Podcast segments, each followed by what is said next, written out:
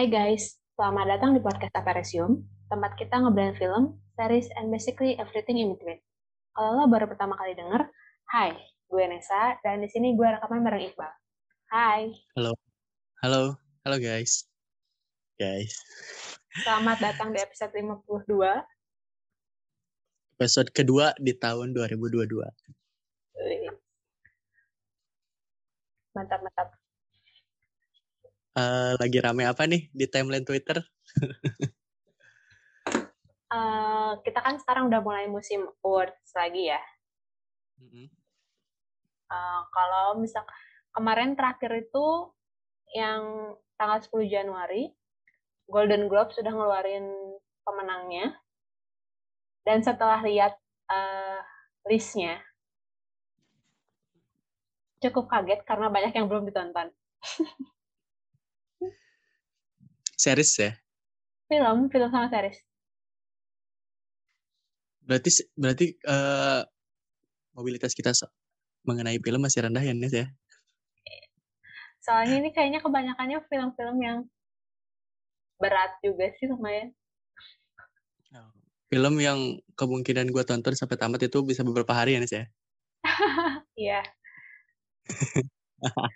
Kemarin itu yang film kalau drama yang menang The Power of Dog. Padahal itu ada di Netflix hmm. tapi belum sempat.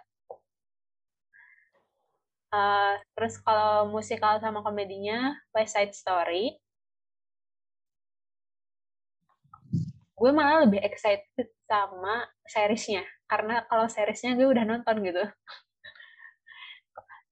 yang series drama yang menang Succession, kalau buat musikal sama komedi Hex.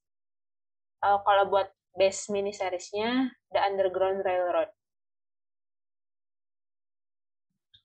Kayaknya okay. sih kalau ya kalau kita lihat nominasi uh, awards awards lain juga nggak jauh beda sih.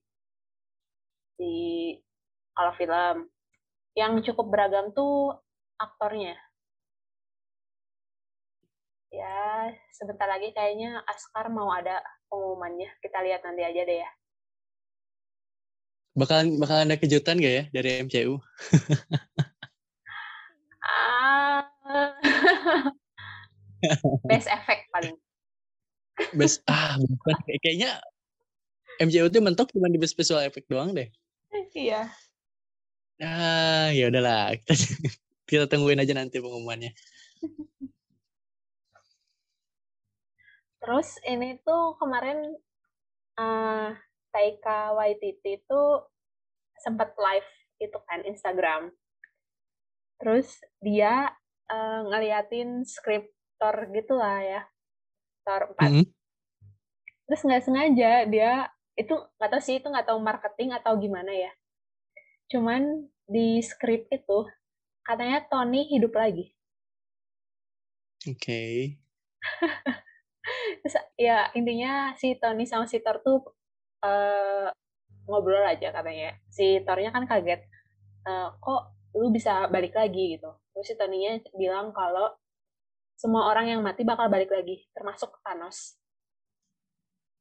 Uh, Oke, okay. makin absurd ya. Tapi semoga ide itu nggak dipakai. Mungkin itu cuma buat marketing aja kali ya. Hmm, Soalnya uh, kayak kaget aja masa sih musuhnya harus si Thanos lagi kan kayak aneh hmm. aja. Ya maksudnya uh, dunianya Marvel itu terlalu luas kalau misalnya ngasih villainnya itu lagi itu lagi. Nah. Dan kemunculan yang udah mati itu kayaknya udah udah bosan gitu loh menurut gue ya. Hmm. Kayaknya mending cari yang lain deh. Kehidupan Tony pun kemarin ah masa iya sih orang udah se apa banyak orang nangis gara-gara Tony mati terus dihidupin yeah. lagi. Iya. Yeah. Itu tuh sempet kejadian loh kayak misalnya di uh, Superman kayak gitu kan. Terus kalau misalnya di anim tuh sebenarnya udah hal-hal yang biasa ya. Sorry kalau ngomongin apa nih. Jadi orang yang misalnya udah dibuat uh, sangat sangat sangat mengharukan itu pas meninggal terus tiba-tiba dibangkitin lagi jadi kayak orang tuh ngelihatnya sebelah mata gitu karakter itu. Hmm ya semoga itu bohongan aja lah Tapi ngomongin soal itu ya, Project Marvel, yang sekarang tuh kan yang paling dekat tuh proyeknya Doctor Strange ya, film Doctor Strange, Doctor of uh, yang sama Wanda. Itu kayaknya yang selebaran di timeline gua sih bocorannya kayaknya banyak banget karakter Marvel gitu loh. Yang selama ini belum ada di MCU. Ambil contoh uh, kayak Logan. Kayak hmm. katanya bakal ada. Terus ada Mister Fantastic. Terus ada katanya yang paling absurd ya menurut gue ini ada Iron Man versi Tom Cruise. Udah kelewatan sih sebenarnya. Tapi itu ya kalau kita misalkan kita bayangin ya, kan ya misalkan kemunculan si Tony-nya tuh uh, jadi yang si Tony hidupnya lagi tuh sebenarnya bukan si versi uh, eh, RDG tapi mm-hmm. versi si Tom Cruise ini itu bisa lebih unik sih maksudnya kan uh, si Tom Cruise itu sebelumnya emang uh, dirumorkan bakal jadi Iron Man kan jadi misalnya kalau dia beneran muncul sebagai Iron Man ya variannya mm-hmm. lah ya variannya si Iron Man ya cukup menghibur lah meskipun kayaknya jauh sih dari kenyataan. Jauh sih. Gue kayak kalau misalnya tiga Spiderman masih realistis tapi kalau ini udah wah ini terlalu over over. Jangan deh. Sebenarnya apa ya kemungkinan kecil banget ya buat ada. Cuman kalau dilihat ya apa yang mau disampaikan dan dibawain di Dokter Strange itu kan kayaknya bakalan lebih lebih liar lagi kan daripada uh, Spider-Man. Iya.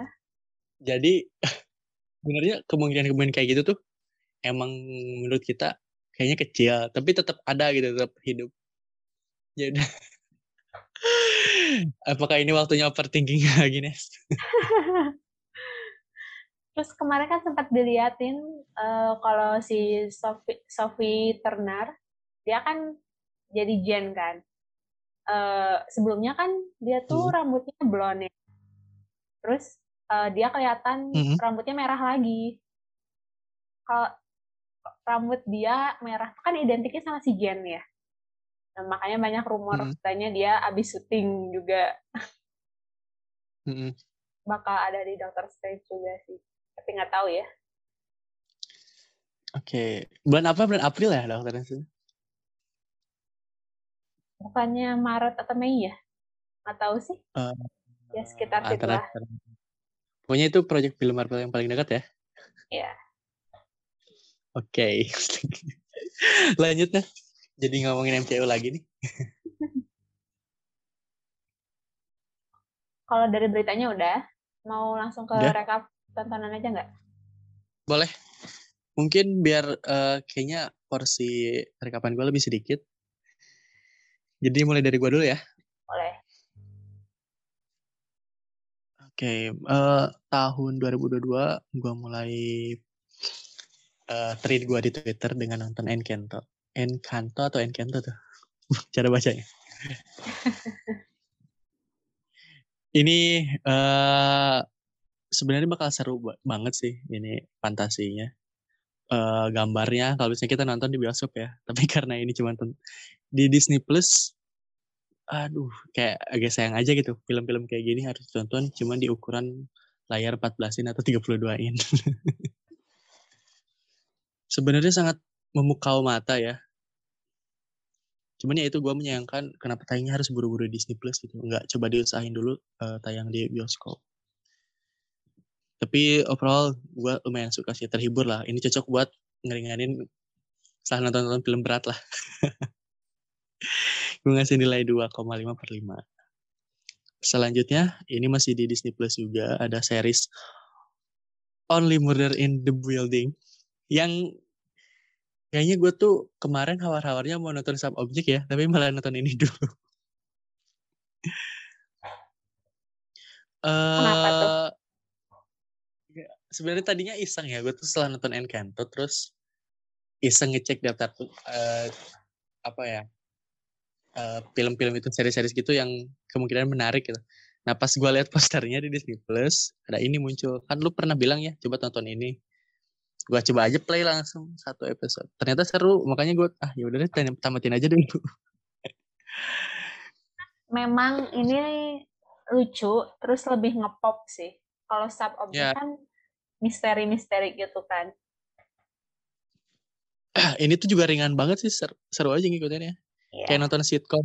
Kayak nonton sitcom. Eh gue ngasih nilai 3,5 per 5. Selanjutnya, ini ada dua film yang nggak terlalu gue suka ya. Tapi karena trade gue dikit, jadi gue sebutin aja. Yang pertama itu The Lost Daughter. Yang kedua itu Vince. Sorry Anes. Oke. Terus film terakhir ini adalah Snake in Soho yang dimainin sama eh Anya Taylor Joy sama Thomasin Thomasin McKenzie yang lumayan seru lah. Tapi eh ini sebenarnya vibes Netflix ya, tapi ini bukan film yang keluar dari Netflix.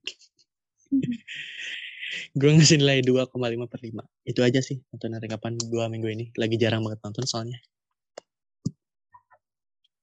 Oke, eh, kalau dari gue ini yang pertama The Lost Daughter. Ini bagus banget buat ngasih komentar kalau betapa susahnya jadi orang tua. Terus eh, kalau eh, ngasih contoh juga gitu kalau nggak semua orang itu cocok jadi orang tua. Dan si aktrisnya tuh bagus banget dalam mendeskripsikannya gitu. Yang jadi mudanya itu loh, yang jadi si Olivia Mu Colman yang mudanya, gue lupa siapa nama artisnya, artisnya. Jesse Buckley.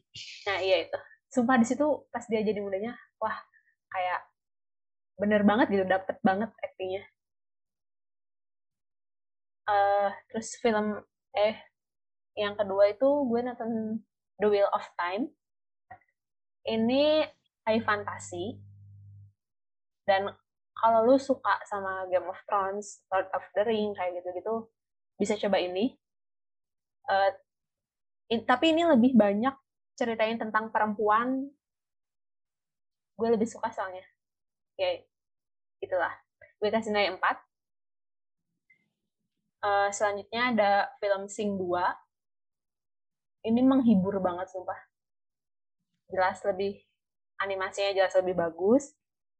Lagu-lagunya eh, lebih, mereka jago milih lagu-lagu yang eye-catching. Kayak gitu-gitu. Ya, seru lah. Dibanding film pertama, lebih seru mana? Eh, gue lebih suka film yang pertama. Cuman yang ini juga gue suka sih. Oke, oke, oke. gue kasih nilai 4.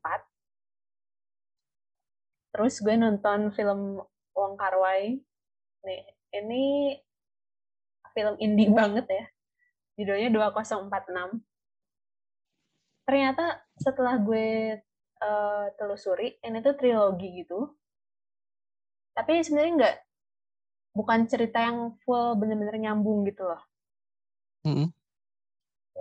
Jadi cuma karakternya aja yang sama. Romance, science fiction gitulah. Aneh-aneh juga sih, kayak perjalanan waktu lah, kayak gitu-gitu. Terus ngomongin orang yang kesepian. Dan karena ini Wong Kar Wai ya, pasti sinematografinya bagus ya.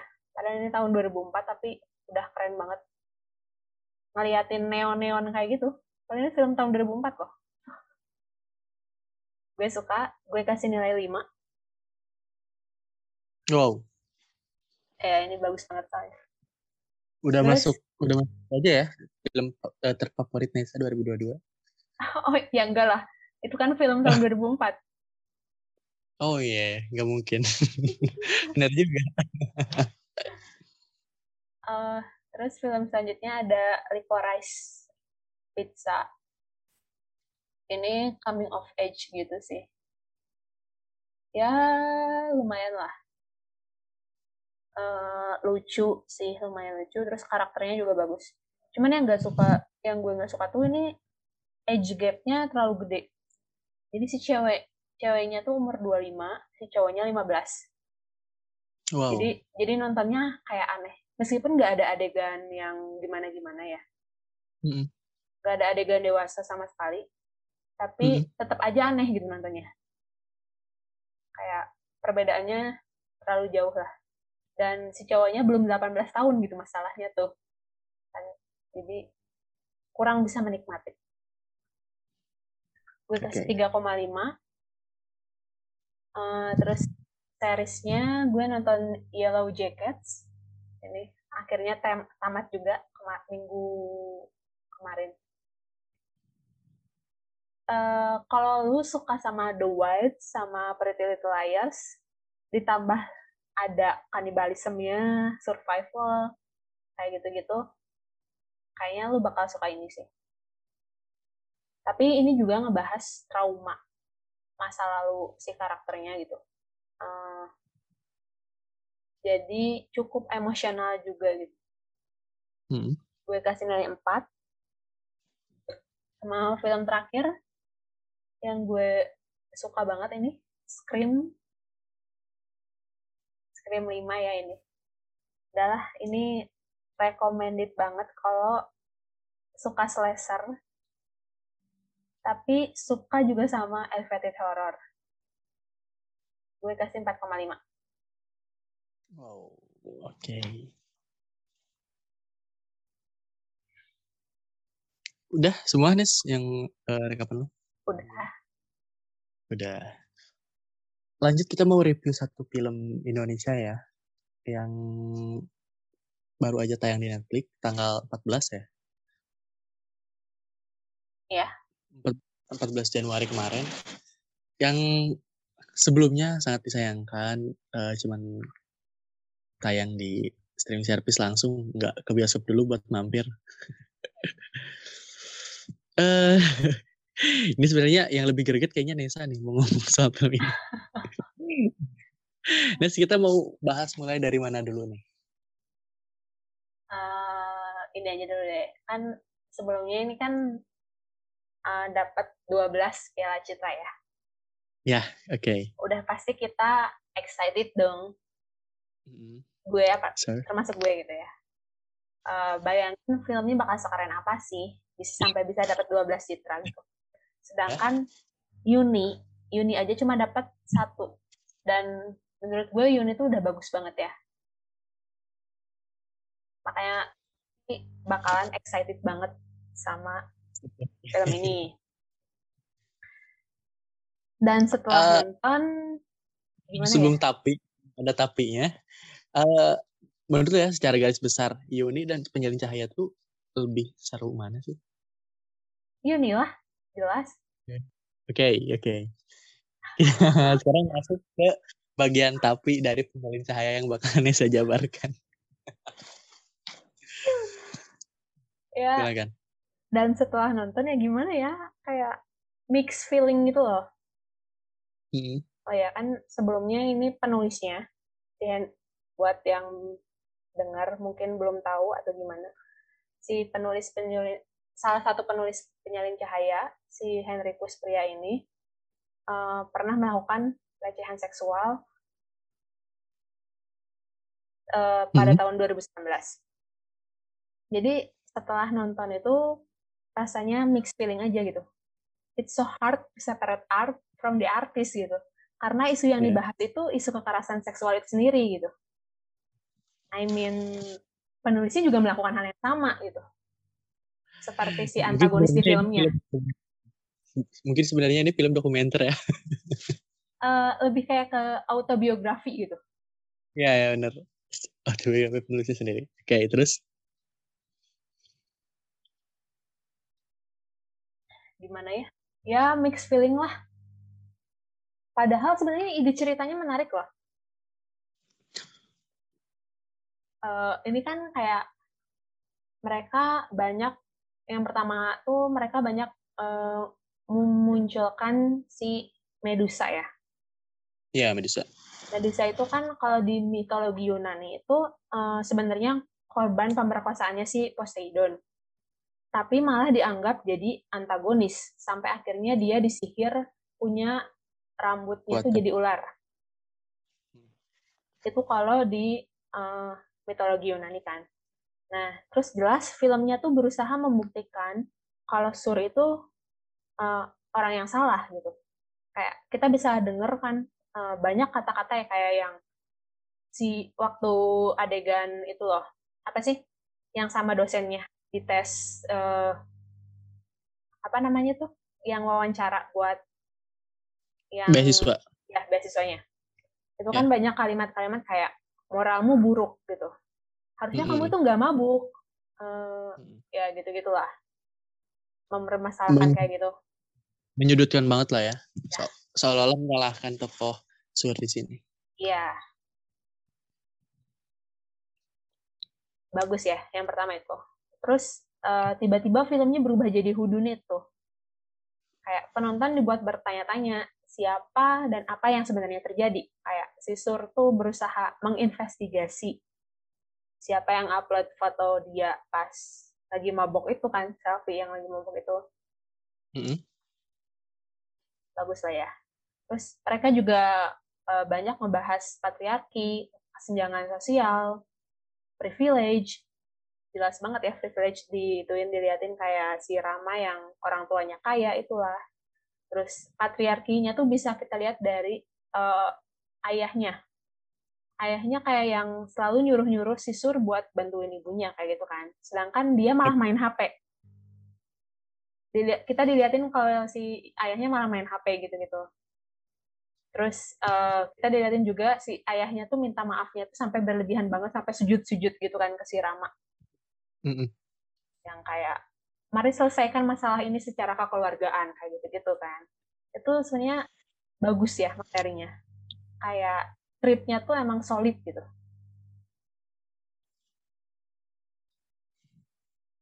Antagonis yang mungkin sebenarnya di film ini sebenarnya kayak sendiri ya.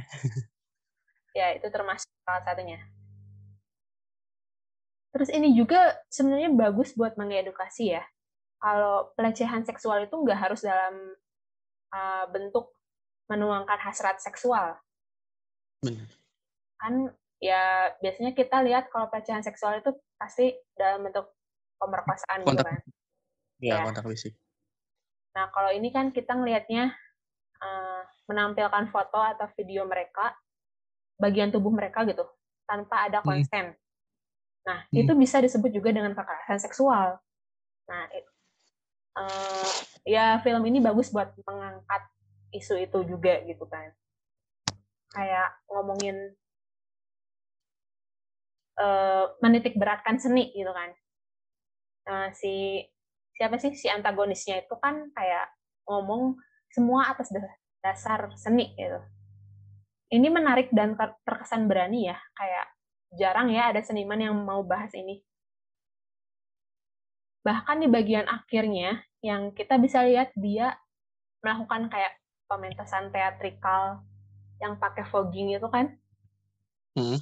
terus yang pakai yang menguras menutup mengubur ini selalu diulang-ulang.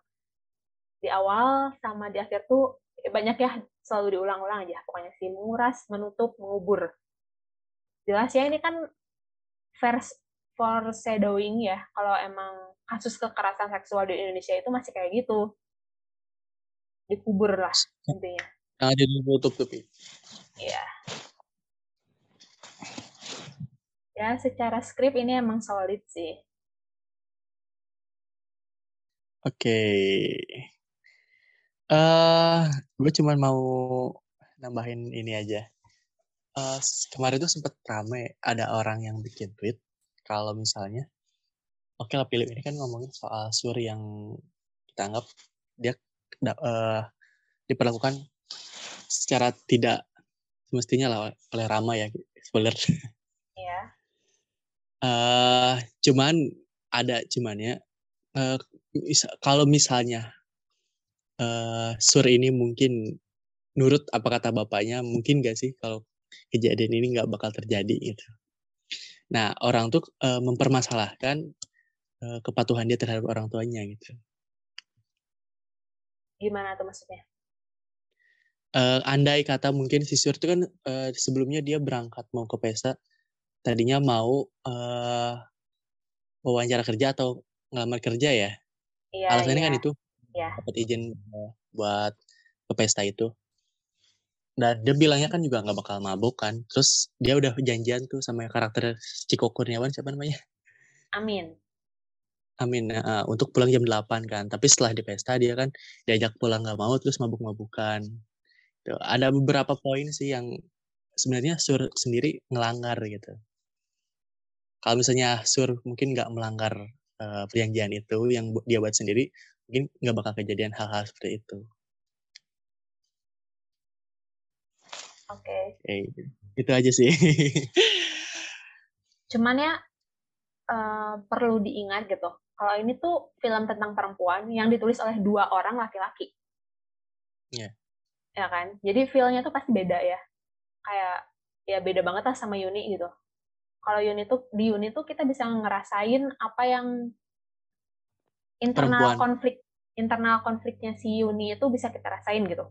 Nah, kalau di sini tuh kita nggak bisa rasain itu kayak di penyalin cahaya tuh cuma sedikit membeberkan apa yang dia alami Sur di luar recehan seksual itu sendiri gitu. Jadi seolah-olah filmnya tuh mendefinisikan Sur tuh cuma sebagai su, cuma dalam setelah insiden itu doang gitu. Kayak kita bisa lihat si Sur menginvestigasi apa yang sebenarnya terjadi, terus tapi si filmnya itu nggak pernah membahas internal konfliknya dia. Apa yang dia rasakan selama ini gitu. Gimana dia bisa manage traumanya terus kayak kenapa dia kelihatan nggak ketakutan gitu. Hmm. kita nggak bisa ngelihat itu kan.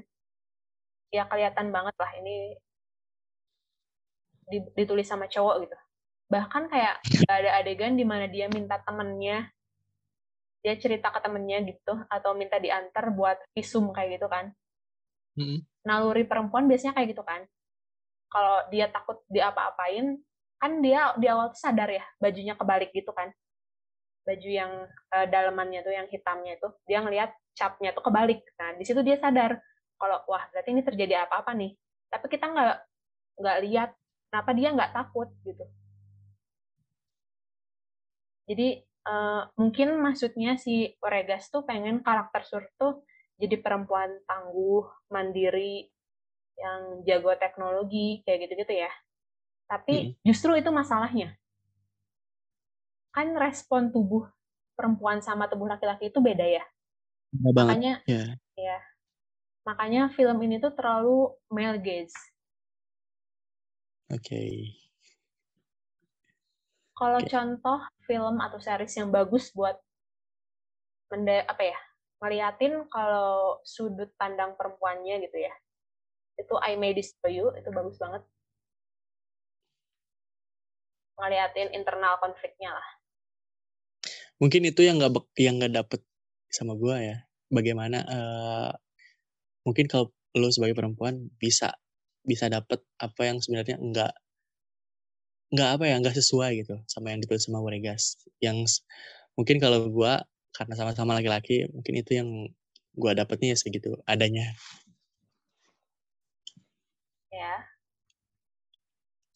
Uh, apa mungkin kalau misalnya bener uh, yang lu bilang tadi sebenarnya film perempuan 2021 yang lebih baik ngomongin perempuan itu berarti emang Yuni ya dibanding iya. Jaya. Iya, jelas. Yuni udah jelas ya ditulis oleh perempuan okay. terus uh, kelihatan lah uh, kita bisa lihat konflik batinnya kenapa dia nggak mau nikah atau dia hmm. melakukan hubungan seksual sama si itunya siapa sih Pak Yogi itu kan kayak gitu gitu dan ini tuh deket banget ya sebenarnya Yuni itu sama sama sama masyarakat Indonesia lah iya sama yang ada di sini dibanding penyalin cahaya kan iya yang sebenarnya lumayan ada fantasinya sedikit untuk penyelesaian. Tapi dari... lu suka apa? Uh, lu setelah, setelah tahu penulisnya uh, dan tanda kutip agak bermasalah ya. Terus perasaan lu pas nonton kan agak lumayan campur aduk juga kan? Iya. Tapi secara keseluruhan untuk filmnya lu su masih suka kan? Masih bisa menikmatin? gimana ya? Udah gue bilang tadi kan it's so hard to separate artist from the art. Kalau isu yang dibahas itu kekerasan seksual. Kayak uh, apa yang dilakukan lama di film sama apa yang dilakukan sama si Hendrikus prianya di kehidupan nyata itu tuh sama paham nggak mm -hmm. si Hendrikus prianya tuh melakukan ya menyebar luaskan eh si tubuh seseorang kayak buat dijadikan seni gitu. Iya, iya, iya. Makanya jadi Nanti. filmnya tuh jadi invalid gitu. I can't enjoy the film. Gak, gue nggak bisa menikmati filmnya. Mm -hmm.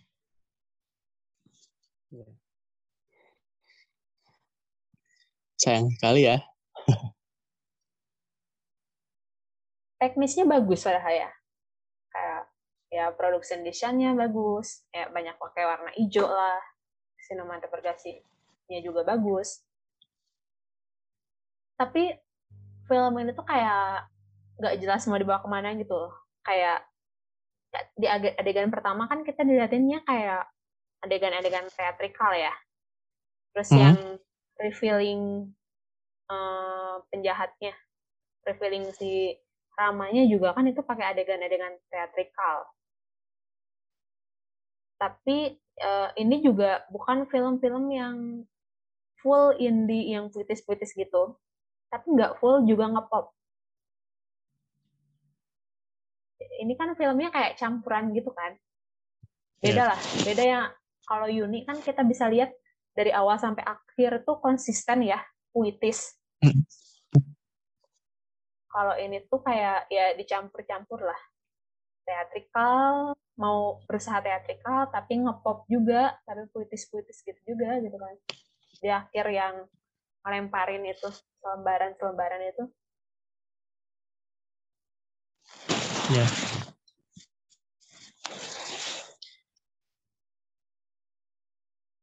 berarti poin-poin-poinnya ya banyak banget poin-poin yang uh, sebenarnya bisa dibawakan film unit secara lebih baik daripada penyalin saya ya apa Nes?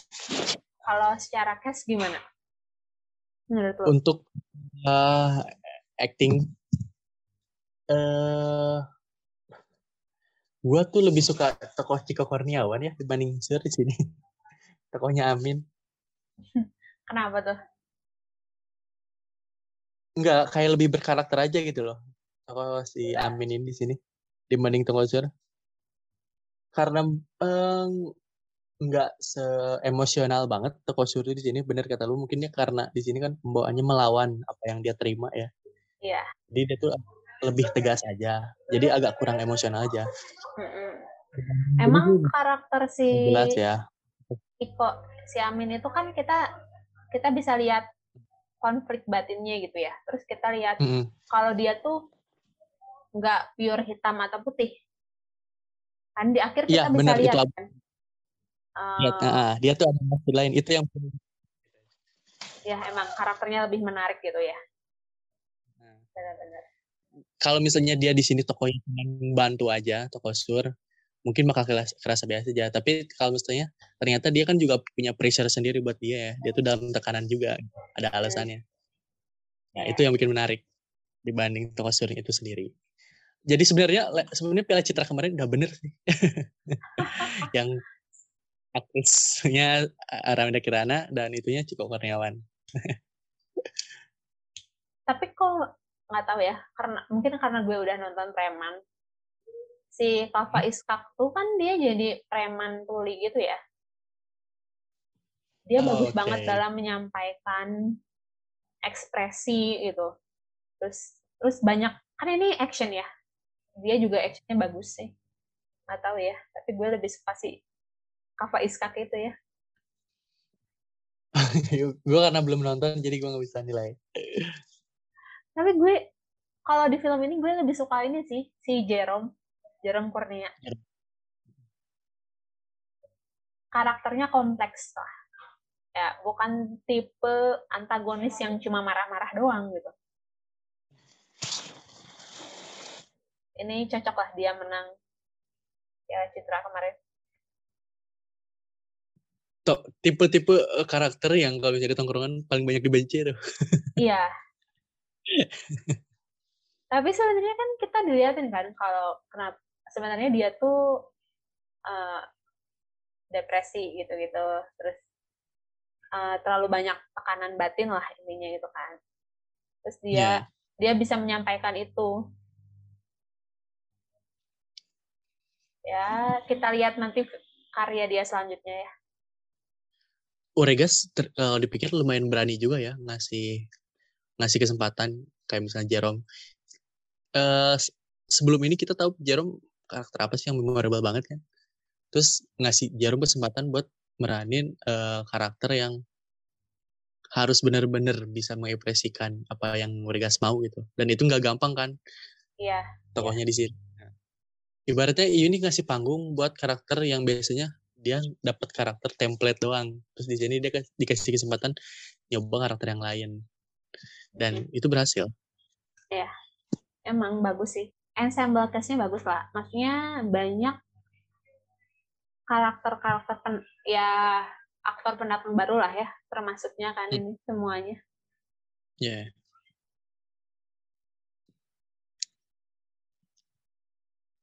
Oke. Okay. Ya, uh, ya kita tahu film itu karyanya bukan cuma karya satu orang ya. Tapi balik lagi, si pelaku itu kan penulis ya. Dan penulis tuh kayak penting banget ya. Makanya gue tuh nggak bisa enjoy sama filmnya.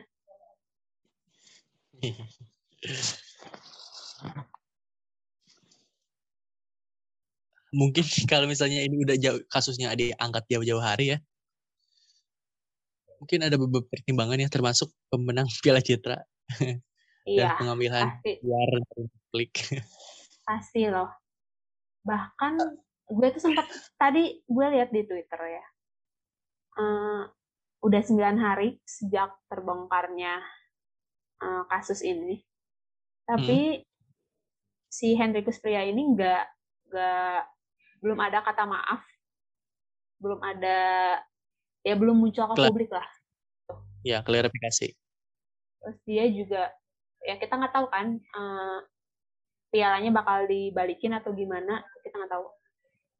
Soalnya kalau gue lihat di timeline sebelumnya tuh uh, Ex School itu film Piala Citra tahun 2006 awalnya kan dapat banyak tuh pialanya terus ketahuan si musiknya uh, plagiat semua hmm. pialanya dibalikin.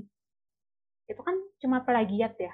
Bukan cuma sih, tapi termasuknya ya lebih ringan lah daripada kekerasan seksual gitu kan. Yeah. Ya, jadi kita lihat aja lah kebijakannya Bagaimana? nanti kayak gimana. Panitia ya. Seenggaknya si Hendrikus Prianya itu muncul lah. Oh dia diem doang gitu. Ke publik ya. Eh, nggak tahu tuh panitianya bakal bakal ngambil, ngambil langkah gimana tapi setahu gue uh, udah mulai perencanaan untuk FF, uh, Festival Film Indonesia tahun 2022 yang mungkin kayaknya bakal ngebahas kurang lebih soal uh, kasus itu. Mungkin ya. Ya kemarin gue juga sempat lihat instastoriesnya. Mereka udah rapat lagi itu si Reza Rahadian. Anwar Raja Radian. Oke, okay. ada lagi nih yang mau diomongin soal penyalin cahaya? Cukup deh. Cukup ya. Lu ngasih nilai berapa? Gue ngasih nilai 4 per 5. Kalau Nesa? Gue nggak bisa ngasih nilai. Oke. Okay. Udah kayak Watman ya. gue di letterbox juga nggak ngasih nilai kok itu. Nggak gue masukin iya, malah. Pas gue cek juga, kok nggak ada nilainya. Gak gue masukin treat malah bukan gak dimasukin nilai malah. Oke okay. uh, thank you for ada udah. Thank you for listening gue Nesa pamit gue juga pamit. Terima kasih. Bye